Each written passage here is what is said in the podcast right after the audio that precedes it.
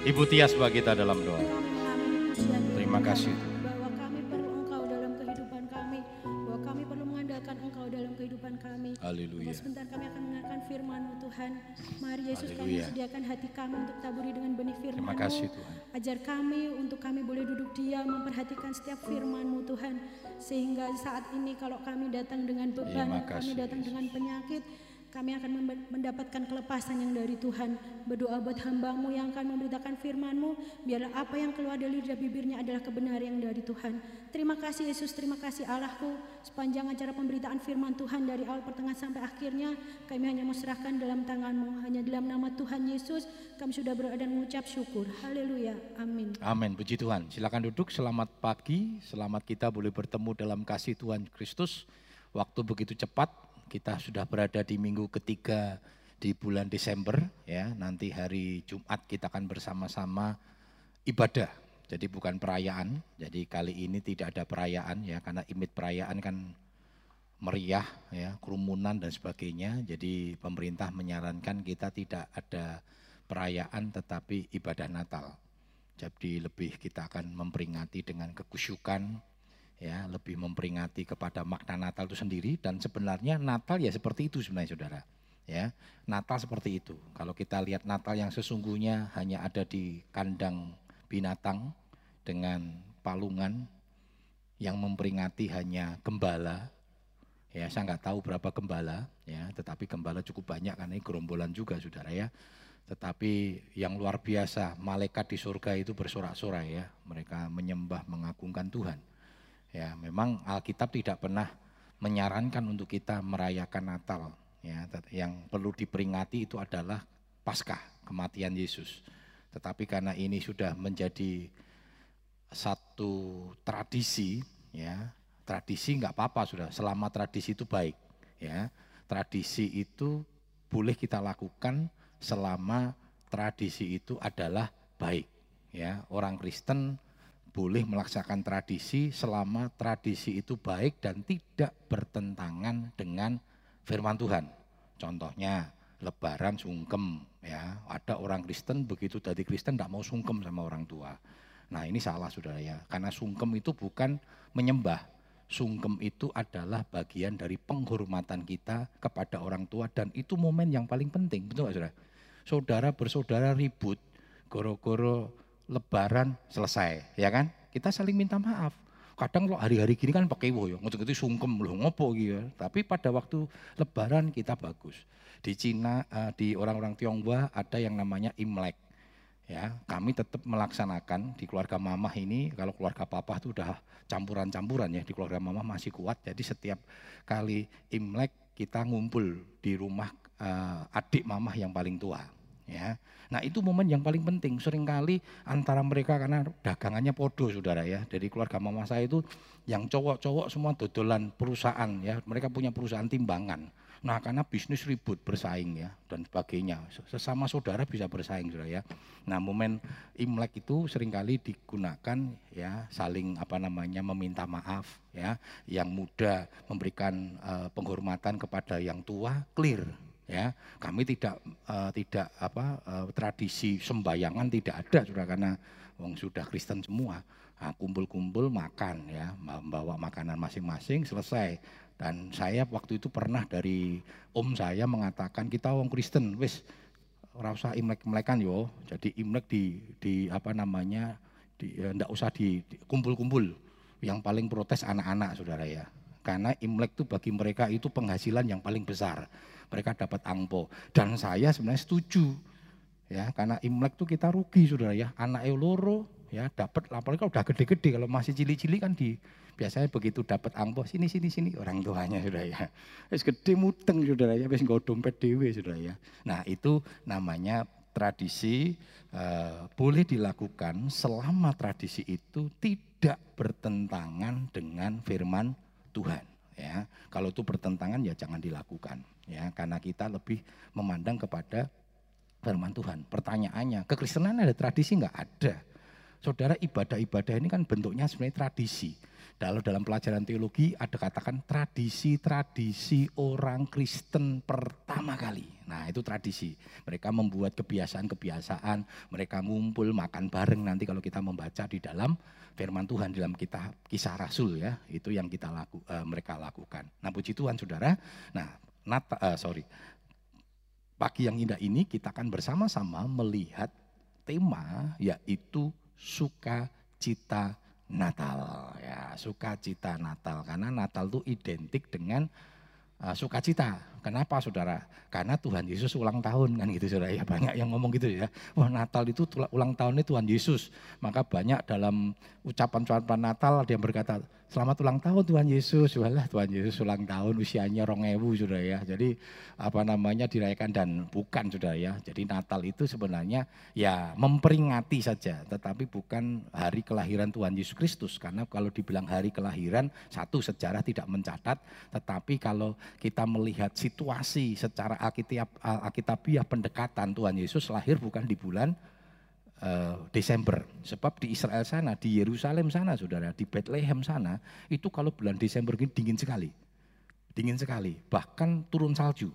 Ya, di Yerusalem itu akan turun salju dan itu tidak mungkin gembala-gembala itu pergi untuk di padang gurun untuk mencari makanan bagi domba-dombanya ya. Jadi zaman dulu gembala-gembala itu kan begitu dia uh, apa namanya mengembalakan dia tidak setiap hari mengembalakan oh balik sudah ya. Tetapi dia akan terus jalan cari rumput-rumput bagi uh, domba-dombanya bagi domba-dombanya ya. Dan musim dingin tidak mungkin mereka ada di padang gurun karena itu terlalu dingin.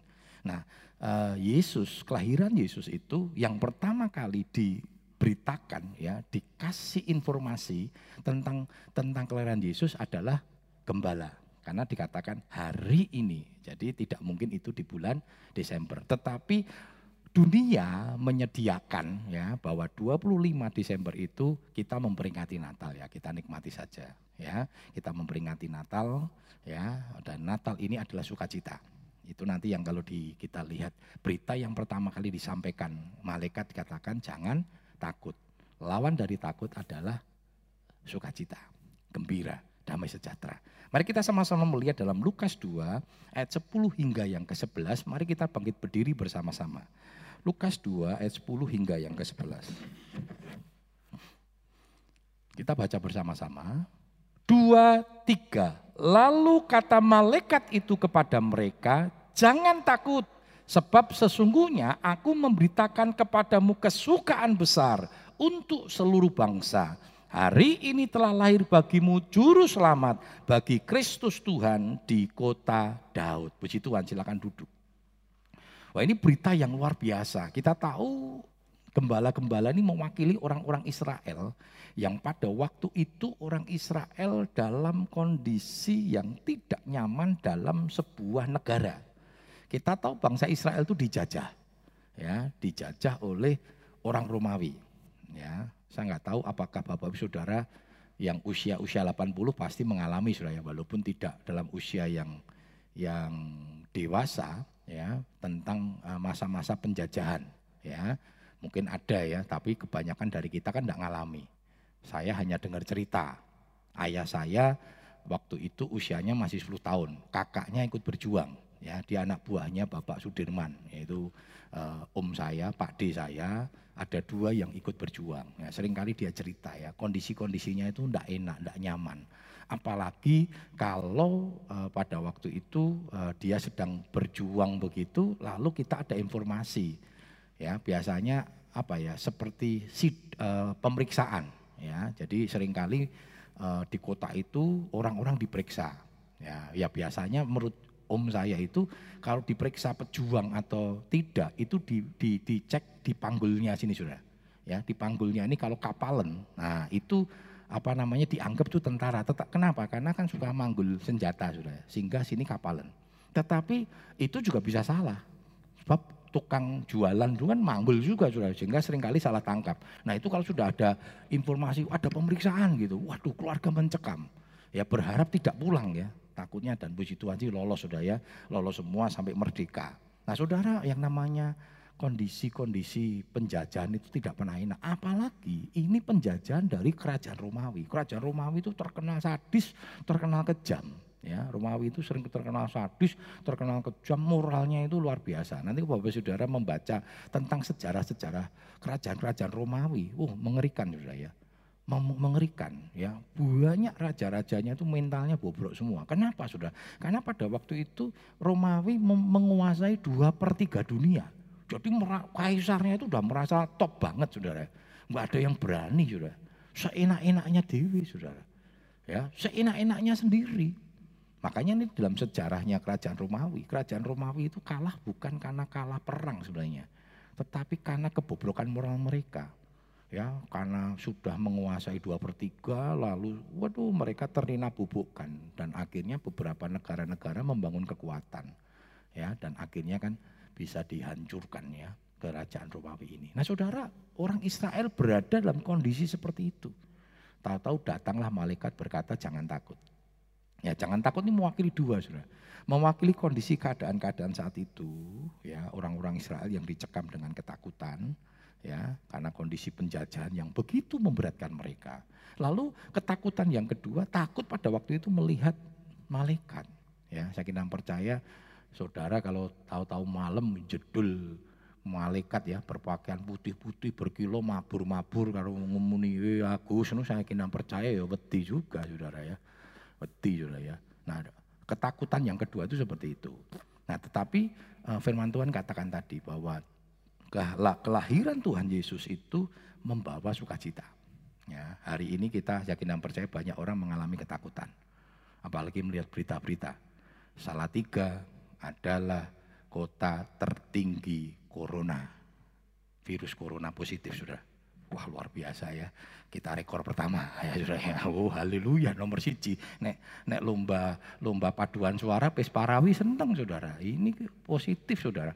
Karena terakhir ini kita mendapatkan 200 ya kaget juga saya ih 100 sopo sudah ya saya tanya sopo sopo yang penting jaga sudah ya jaga protokol kesehatan tetap nggak usah takut ya. Saya kita percaya kan wedi sudah ya. Saya wedi rasa dulu iya anu sudah nggak usah lihat berita. Nah saya tiap hari dikasih berita ya, karena dari BKGS sudah ya, kita selalu mendapatkan informasi-informasi karena karena BKGS memang bekerja sama dengan pemerintah. Pemerintah mengharapkan BKGS hamba-hamba Tuhan itu selalu memberikan informasi-informasi yang betul ya tentang vaksin contohnya ya Dulu kita kena COVID, kita ngarep ke vaksin. Vaksin sudah di depan mata, ribut meneh. Aman opo ora, aman opo ora. Saudara tidak merasa aman, rausah vaksin. Selesai tuh. Tapi pertanyaannya, mosok si negoro mau mateni rakyatnya. Dia berikan yang terbaik kok. Sudahlah ini berita-berita huak itu yang tidak karu-karuan ya. Itu politik sudah ya. Politik itu digoreng-goreng. Ya, digoreng-goreng saudara. Nah kita nikmati saja, kita sebagai warga negara yang baik taatlah pada pemerintah. Sudah ada berita yang gembira bahwa vaksin itu digratiskan bukan hanya kepada peserta BPJS. Jadi saudara yang tidak ikut BPJS gratis. Nah, cuma caranya piye kita belum tahu sudah ya. Apakah kita harus datang ke puskesmas ya, di bagaimana ngumpul neng lapangan Pancasila, kita nggak tahu juga sudah ya. Kita ikuti saja, tetapi kita percaya bahwa pemerintah sudah memberikan yang terbaik untuk kita. Amin. Jadi jangan kita malah kondisi begini pemerintah wis saben dino mikir ke gitu ya, wis jempalitan dari saudara ya. Ini kondisi saya ingin berarti seperti tidak ada satu pemerintah di dunia ini yang nyaman hari-hari ini. Fokusnya semua ke COVID.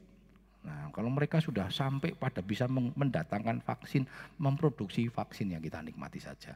Ya, kita nikmati dengan sukacita. Nah, saudara, kehadiran Yesus memberikan kesukaan bagi dunia. Kenapa, saudara? Karena menghancurkan ketakutan.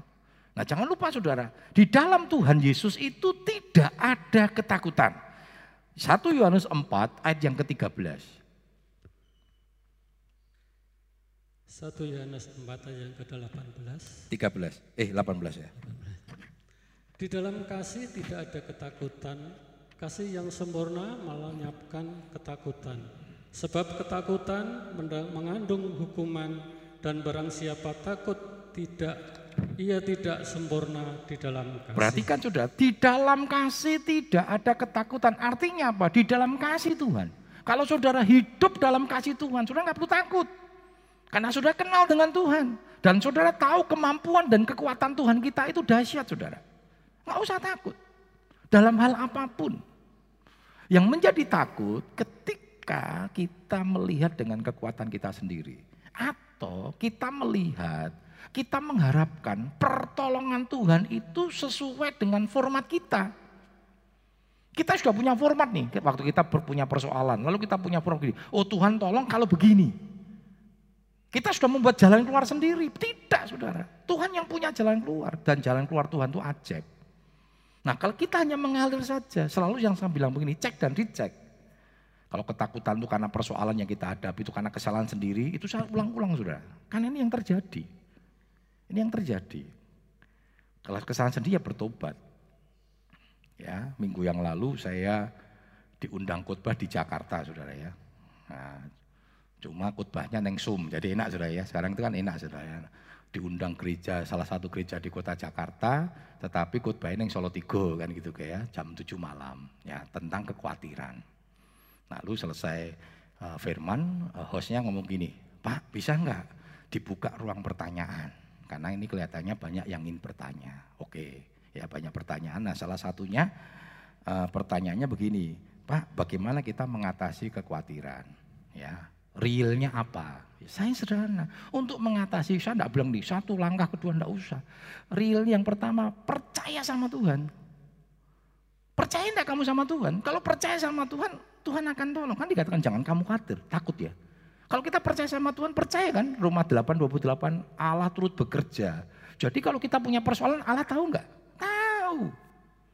Enggak usah kita ngeluh sama Tuhan pun Allah tahu. Bahkan ketika kita ngeluh sama Tuhan pun Tuhan katakan Tuhan itu dekat dengan orang yang hancur hati, patah hati. Jadi sederhana. Akhirnya nggak terima sudah pertanyaannya kan masih ini. Maksudnya realnya piye Pak? Nah saya kasih kasus saja. Ini ada kasus dari dari salah satu pengikut Sum. Nah ini, ini utang Pak. Di utang jatuh tempo. Urung ono duit Lah piye itu? Ini khawatir ini, khawatir nih. Caranya piye? Supaya nggak khawatir. Ya saya bilang ngojo ngutang. Loh, ngerti randu duit ngutang ora iso bayar. Lo sudah tahu loh, sudah bener nggak? Sudah tahu nggak kira-kira kalau sudah ngutang itu iso bayar ngerti nggak sebenarnya? Ngerti. Neng ngeyel ngutang. Neng kena di ditagih nesu. Nesu neng debt kolektor kan lucu sudah ya. Kasihan debt kolektor juga, debt kolektor kerja sudah ya. Ono sing kurang bayar sekian bulan ya dijaluk motore, wah debt kolektor dikeroyok saudara. Ditanya, lah kamu, kecuali kalau salah tangkap ya, saya ini bayar nih cekel. Ditanya, kamu betul nggak enggak bayar? Ya betul. Saya belum bayar 6 bulan loh tenan saudara malan. Lo kok ditarik? Maksudnya ya caranya jangan begini lo caranya piye coba. Bapak, ini belum bayar 6 bulan. Gimana Pak? Saya harus bayar. Ya sudah, boleh Pak. 10 bulan lagi rasa dibayar. Enggak mungkin tuh saudara. Saya bilang bertobat, sampai kaget dong. Belum enggak saudara mungkin waktu saya ngomong gitu saya ngerti sudah. Saya ada berapa kali kesaksian. Istri saya langsung ngomong, ya ngerti ini mesti nunggu, oh, wow, karena sehati ngerti, ngerti, ngerti watai suaminya sudah bertobat, sampai rodok kaget lah bertobat pak. Dia orang Kristen, orang Kristen lah bertobat, lo ngutang, wani ngutang, neng ku kon bayar, minta Tuhan sing nolong. Waktu ngutang rata kok baik Tuhan. Hati-hati loh sudah. Saya tanya begini, coba ya yang ada di itu kan orangnya ada di sini. Saya bilang di Zoom itu saya bilang. Coba or, jawab neng hati, waktu ngutang tak orang mbak Tuhan. Tuhan saya mau ngutang, boleh gak? Tuhan ngomong, iso bayar lah, orang iso. Yang ngutang sing ngukeh, kan ra mungkin Tuhan begitu. Tuhan kita tuh bertanggung jawab loh. Masih ingat kan? Yohanes menegur prajurit katakan apa? Jangan memeras, cukupkanlah dengan gajimu. Nah saudara kita lihat, banyak orang takut. Takut itu kenapa? Karena kesalahan kita sendiri. Sehingga persoalan itu datang sama hidup kita. Kalau itu terjadi, minta ampun, bertobat. Saya ulang-ulang sudah. Saya ingatkan ini berulang-ulang. Supaya kita selalu cek dan recheck hidup kita. Jangan persoalan kita buat karena kesalahan kita sendiri, ngotot terus minta Tuhan tolong. Kalau itu terjadi minta ampun dulu, perbaiki hidupmu. Masih ingat ya, saya pernah kesaksian yang ngutang itu mau bunuh diri sudah. Akhirnya dia bertobat, sudah. Dia bertanggung jawab. Dia mau jual, saya bilang jual rumahmu, jual apa yang kamu punya, bayar utangmu. mulai dari titik nol.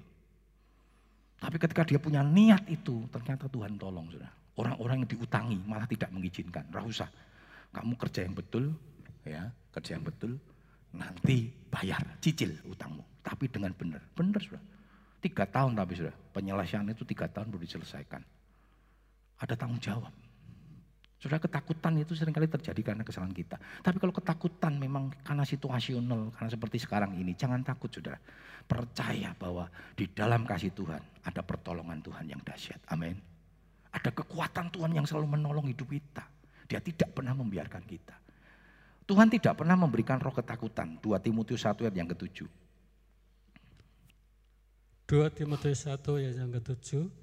Sebab Allah memberikan kepada kita bukan roh ketakutan, melainkan roh yang membangkitkan kekuatan, kasih, dan ketertiban. Perhatikan saudara, Tuhan tidak pernah memberikan kepada kita roh ketakutan, tapi kasih kekuatan, kasih dan ketertiban. Saudara kalau kita punya tiga hal ini, ada kekuatan, kita nggak pernah takut. Betul nggak saudara? Nah kekuatan kita ada di dalam Tuhan. Persoalan yang kau hadapi hari-hari ini jangan takut. Kenapa? Kau punya kekuatan Tuhan. Maka dikatakan dalam Efesus 6 ya. Hendaklah kamu kuat di dalam kekuatan kuasanya. Lalu yang kedua dikatakan kasih. Orang kalau punya kasih nggak pernah takut sudah, betul nggak? Nggak pernah takut. Nggak pernah takut. Orang nggak punya kasih sudah. Ribut antara satu dengan yang lain, orang nyaman. Neng gereja sudah datang, orang yang kita nggak senengi datang, oh, sudah nyaman sudah.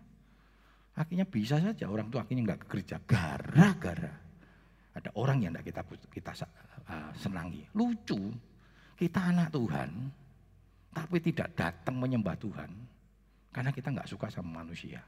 Padahal firman Tuhan jelas katakan kasihlah Tuhan Allahmu dengan segala hatimu, dengan segala kekuatanmu dan kasihlah sesama manusia seperti dirimu sendiri.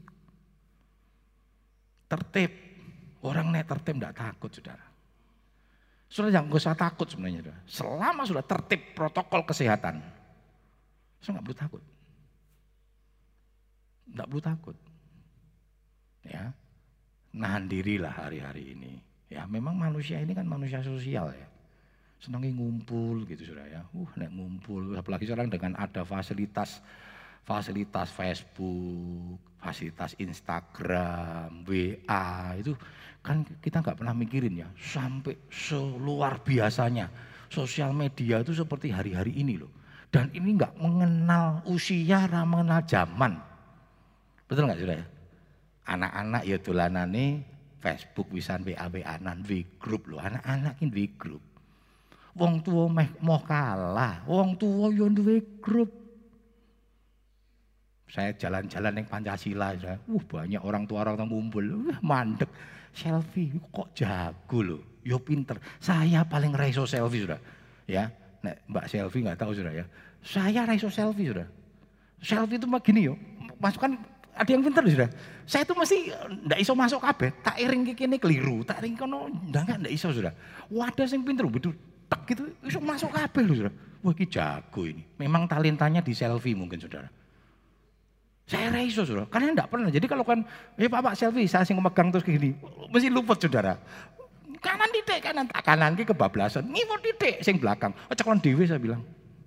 Saya nggak bisa sudah nggak biasa sudah karena saya memang mungkin nggak biasa ya. Saya nggak terlalu seneng ya. Nggak terlalu seneng ya. Wah neng di gua nonong ono patung ya. Wah patung ini di ngisore di ono kembang kembang di foto. Ya rapi rame oh, nggak apa apa sudah ya ibu-ibu wanita di pura itu sudah ya waktu retreat ya wah saya kira percaya itu kebak. Ya memori ini kebak ya. WA grup itu mesti rame. Itu di grup di apa dibagikan yang WA grup ya waktu olahraga waktu doa oh, selfie uh, ada tempat-tempat yang paling bagus. Maka sekarang tempat mereka mereka pinter sudah. Dikasih aja tempat-tempat yang untuk selfie sudah ya mau ke Kopeng di mana ini mau bunderan tok ini ya seneng ya bunderan kayak kembang ini seneng ya mandek sih mandek sih wah ratakan tekan Solo Tigo Magelang petang jam. Lu kok petang jam? Mandek-mandek. Latar rombo, orang mangan meng selfie tok sudah. Neng tulisannya latar rombo sudah. Waduh, repot sudah. Nah, sudah kalau kalau tertib saudara, saya kira percaya nggak masalah. Amin. Amin. Amin. Lu saya tenang sudah. Amin. Tertiblah hidupmu saudara. Orang meng protokol kesehatan, tertib segala-galanya. Sudah tahu maksud saya daripada engkau tak omongi meneh engkau, alah kui meneh yang dibahas saudara. Yang kedua, kehadiran Yesus memberikan kesukaan bagi dunia. Kenapa saudara? Karena kehadiran Yesus itu menganugerahkan keselamatan. Kita tahu saudara, keselamatan itu sesuatu yang langka dan tidak mungkin bisa diterima oleh manusia dengan kekuatan manusia saudara. Nggak ada. Nggak ada. Satu-satunya persoalan yang tidak pernah bisa diselesaikan oleh manusia hanya persoalan dosa. Coba kita lihat dulu dalam Yohanes 3, 16, 17. Yohanes 3 ayatnya 16 dan 17. Karena begitu besar kasih Allah akan dunia ini, sehingga ia telah mengaruniakan anaknya yang tunggal, supaya setiap orang yang percaya kepadanya tidak binasa, melainkan beroleh hidup yang kekal. Sebab Allah mengutus anaknya ke dalam dunia bukan untuk menghakimi dunia, melainkan untuk menyelamatkannya oleh dia. Perhatikan saudara, ya dikatakan bahwa Tuhan itu mengaruniakan anaknya yang tunggal. Ini satu solusi bagi dosa yang tidak pernah ada jalan keluar. Dari masa ke masa, dari waktu ke waktu, bahkan sampai hari ini, dosa telah mengendalikan manusia. Dan dosa itu, ya, upah dosa apa saudara? Ya, upah dosa itu adalah maut. Coba kita lihat saudara dalam Roma 6:23. Tanpa Kristus keselamatan adalah kemustahilan bagi manusia karena upah dosa adalah maut. Roma 6:23.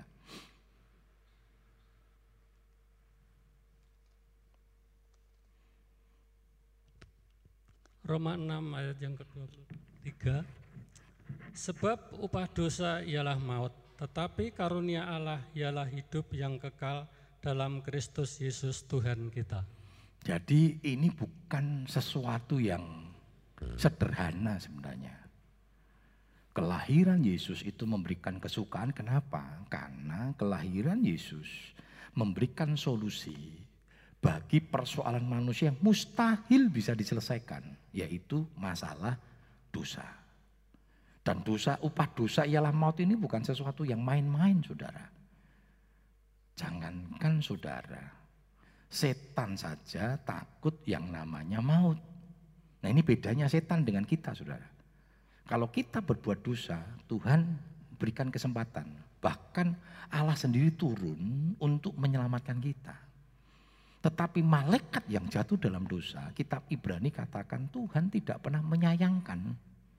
Jadi begitu malaikat jatuh dalam dosa, dia tidak punya kesempatan bertobat. Tidak punya kesempatan bertobat.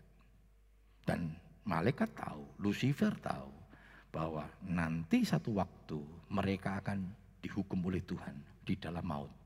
Jadi setan itu bukan raja maut, salah.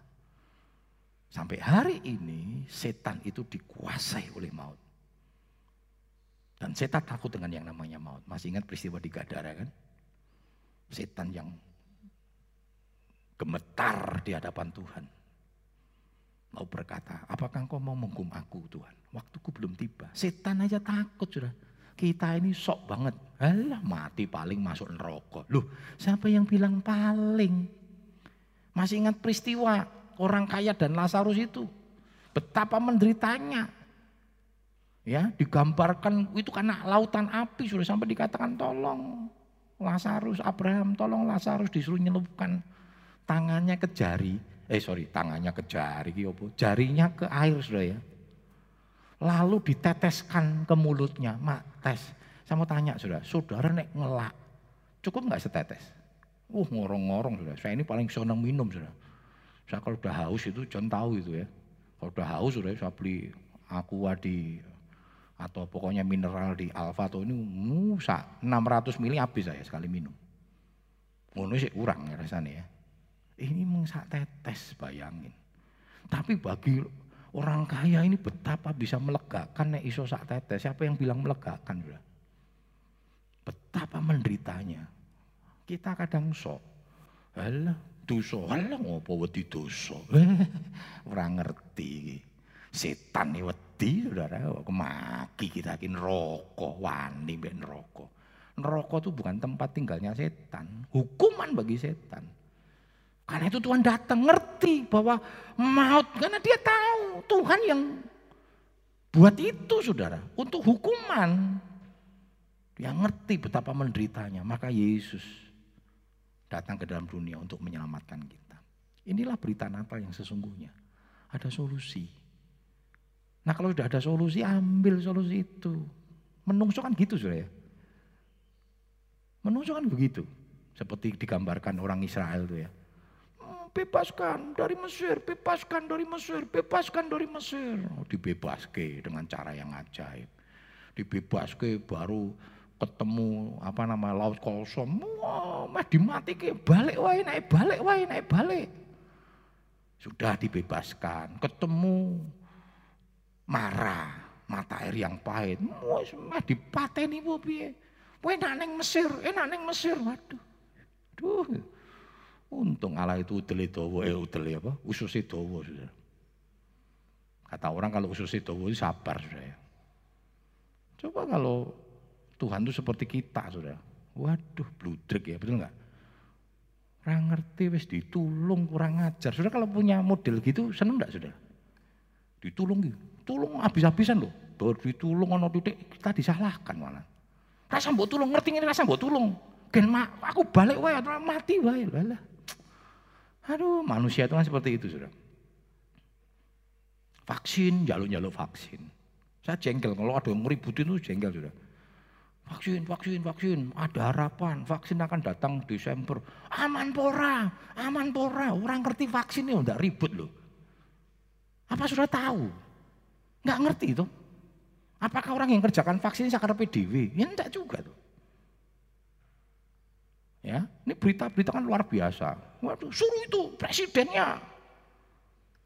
Vaksin yang pertama kali, betul nggak sudah? Kan kurang ajar. Untung kita punya presiden ini wong Jawa sudah.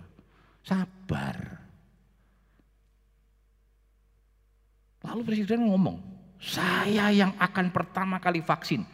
Dicek engko, engko vaksin teko Pfizer, apa Morona. Apa namanya? Untuk ini vaksinnya yang dari Amerika. Wah, ini wong-wong pada saya ngomong yo, kita wong pinter bodoh ini luar biasa sudah. Betul nggak sudah? Misalnya sudah ngomong, pertama ribut gratis, digratiskan, oh, diribut ke meneh. Politik ini akan ini sudah ya. Akhirnya suruh itu presiden kalau berani, jangan suruh kami. Presiden ngomong, saya vaksin pertama kali. Dicek itu di video tenan, dilihat itu vaksinnya, bener nggak dari Sinovac, nanti dari tempat lain. Aduh. Oh, nah itu tak ketak tak ketak saudara.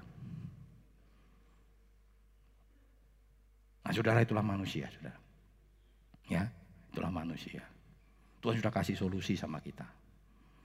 Ada jalan keluar keselamatan Yesus Kristus. Ambil keselamatan itu. Tuhan tidak pernah menjadikan kita robot. Pilihan ada di tangan kita. Kalau sudah nggak mau milih, terserah sudah. Terserah. Yang bilang nanti, alah paling nerokok, terserah.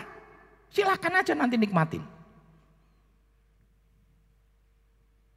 Kami sebagai hamba-hamba Tuhan hanya mengingatkan. Tidak pernah bisa memaksa Bapak Ibu membuat sebuah keputusan. Karena Tuhan saja kasih free will sama kita. Tapi pertanyaan sederhana. Tidak mau mengambil keselamatan yang Tuhan sudah berikan dalam terserah. Toh saudara akan menghadapinya sendiri. Kami hanya mengingatkan. Ini firman Tuhan. Kehadiran Tuhan Yesus mendatangkan sukacita. Kenapa? Ada solusi. Yang selama ini nggak pernah ada solusi. Tahu-tahu ada solusi, saudara. Solusinya Tuhan yang mati untuk kita. Mari kita nikmati itu dengan sukacita, dengan ucapan syukur. Siapa kita sehingga Tuhan mau mati buat kita. Yang ketiga, kehadiran Yesus memberikan kesukaan bagi dunia. Kenapa? Karena Allah beserta kita, Immanuel. Ya, di minggu pertama kita sudah bahas bersama-sama tentang Immanuel ini. Tetapi saya mau mengingatkan kembali bahwa kelahiran Yesus Natal itu memberitakan kepada kita tentang Immanuel. Ya, Immanuel itu saudara Yesus beserta untuk menjadi pembela dan penolong bagi manusia. Roma 8:31. Roma 8 ayat yang ke-31.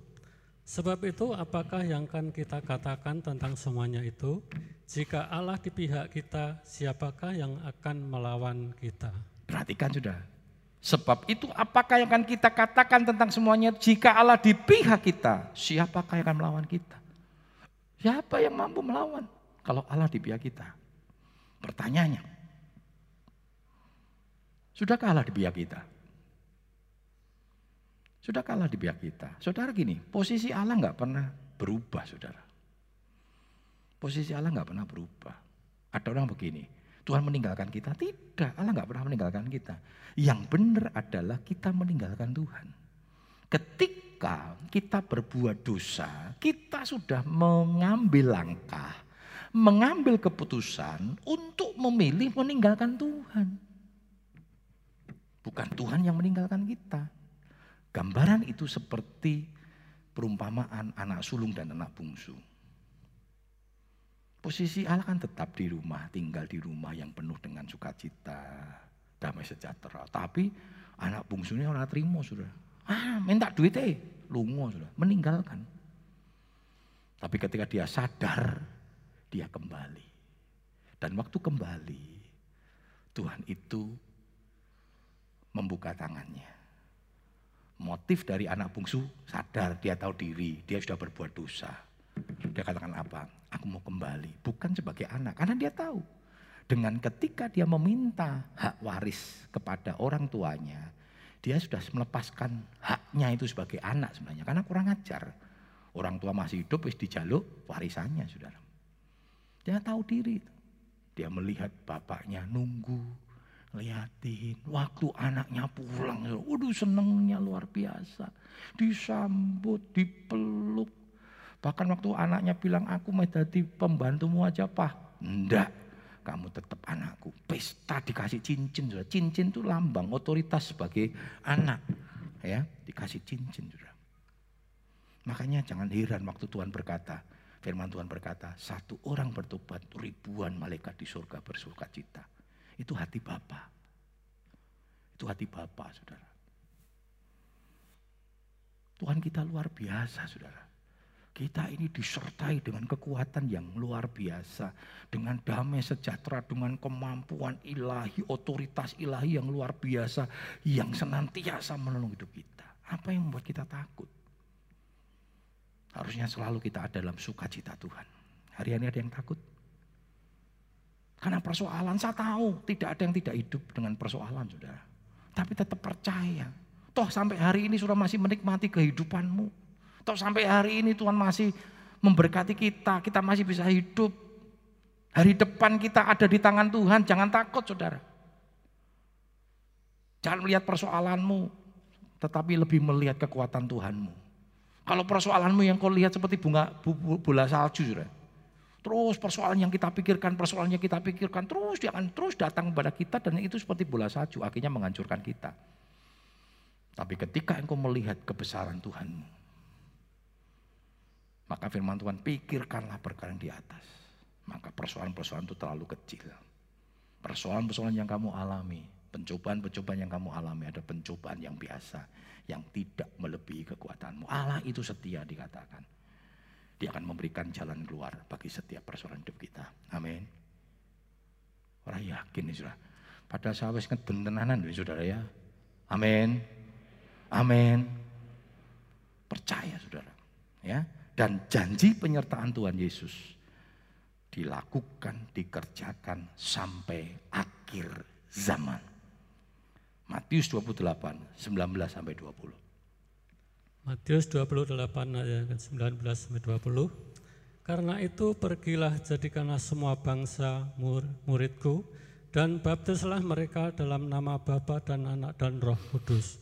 Dan ajarlah mereka melakukan segala sesuatu yang telah kuperintahkan kepadamu dan ketahuilah aku akan menyertai kamu senantiasa sampai kepada akhir zaman. Perhatikan saudara, ini janji penyertaan Tuhan sampai akhir zaman kita sedang berada di zaman akhir. Tetapi belum akhir zaman. Berarti penyertaan Tuhan masih dikerjakan. Baik dalam hidupmu, dalam rumah tanggamu, di dalam pekerjaanmu. Masih ada penyertaan Tuhan. Inilah waktunya betul-betul kita serahkan hidup kepada Tuhan. Kita perlu cek dan dicek senantiasa hidup kita. Sudahkah kita melakukan kehendak Tuhan? Kadang sepertinya kita melakukan kehendak Tuhan. Bisa saja itu karena kesombongan kita, keegoisan kita. Melakukan dengan segenap hati kita, dengan rendah hati kita di hadapan Tuhan. Dan percayalah saudara. Kuasa Tuhan senantiasa menolong kita. Karena kehadiran Tuhan itu memberikan kesukaan bagi kita. Memberikan kesukaan bagi kita. Itulah kehadiran Tuhan dalam setiap kehidupan kita. Ya, Kehadiran Tuhan sudah menghancurkan ketakutan. Kehadiran Tuhan sudah menganugerahkan anugerah yang besar yang tidak mungkin kita bisa terima dari oknum atau kekuatan lain kecuali kekuatan Tuhan. Karena Tuhan mati untuk kita. Yang ketiga, kehadiran Tuhan ya memberikan sukacita karena Allah berimanuel kepada kita sampai akhir zaman. Terima kasih Bapak yang baik. Kami bersyukur Tuhan kalau pagi hari ini kami boleh Tuhan berikan kesempatan untuk kami boleh mendengar firman-Mu Tuhan. Kami percaya Tuhan apa yang sudah kami dengar boleh kami tanamkan dalam hati kami dan kami boleh pergunakan untuk kehidupan kami sehari-hari. Berkati hambamu yang sudah menyampaikan firman Tuhan, Kau yang akan terus urapi dia dengan kuasamu Tuhan. Biarlah apa yang disampaikan boleh menjadi berkat bagi setiap kami yang mendengarnya. Terima kasih Bapak, kami bersyukur buat pagi hari ini. Dan kami mau serahkan doa kami ke dalam tanganmu. Hanya di dalam nama Yesus kami berdoa dan mengucap syukur. Haleluya. Amin.